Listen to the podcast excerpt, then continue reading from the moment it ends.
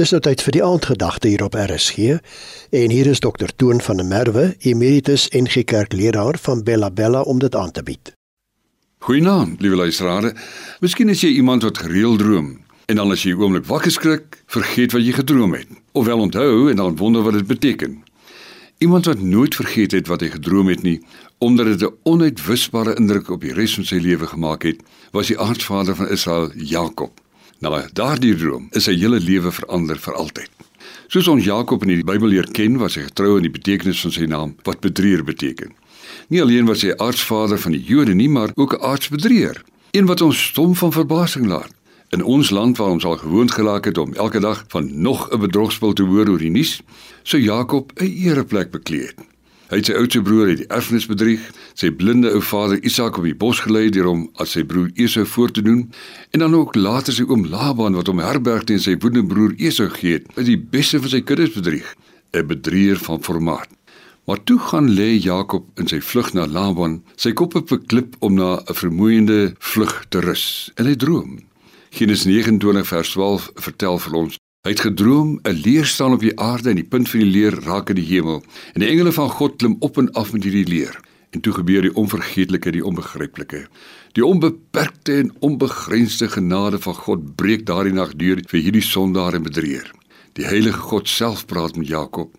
Hy stel hom voor sodat Jakob nie hoef te twyfel of die droom waar of oneg is nie. Hy sê: Ek is die Here, die God van jou voorvader Abraham, die God van Isak. Ek sal die grond waarop jy lê vir jou en jou nageslag gee. Hulle sal so baie wees as die stof van die aarde en in jou en jou nageslag sal die volke van die aarde geseën wees. Ek is by jou en sal jou beskerm waar jy ook al gaan. Ek sal jou na hierdie land terugbring. Ek sal jou nie steek laat nie. Ek sal doen wat ek beloof het. Wat 'n belofte. Dis God se onbegryplike en onbegrensde genade aan 'n gewetenlose bedrieger wat dit nie verdien nie. Het Jakob verander? Nie heeltemal. Hy het weer die bedriegerskant van sy lewe gewys toe hy later by sy oom Laban was en hom bedrieg het. Maar toe die Here hom weer ontmoet, daar in Genesis 33 vers 28, en sy naam verander na Israel, stryder van God. Daarby Pniel het hy in sy worsteling met God 'n permanente herinnering gegee van 'n mankheup wat hom sy hele lewe herinner het aan die onbegrensde genade van God vir sy lewe en hoe hy hom verander het. Miskien gaan jy nie so droom vannag hê nie, maar wat belangrik is, is dat jy God moet ontmoet. Glo in sy seun se verzoening en jou genees en verander en verlos van sonde. Dat die heerlike bevryding kan ervaar van 'n nuwe naam en 'n nuwe toekoms as kind van die ewige Vader en die Here van jou lewe. Kom dit saam.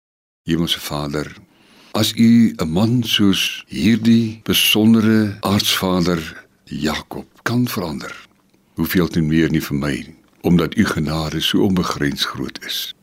Ek loof u daarvoor in Jesus se naam. Amen. Die aandgedagte hier op RSG is vanaand aangebied deur Dr. Toon van der Merwe, emeritus NG Kerkleraar van Bella Bella.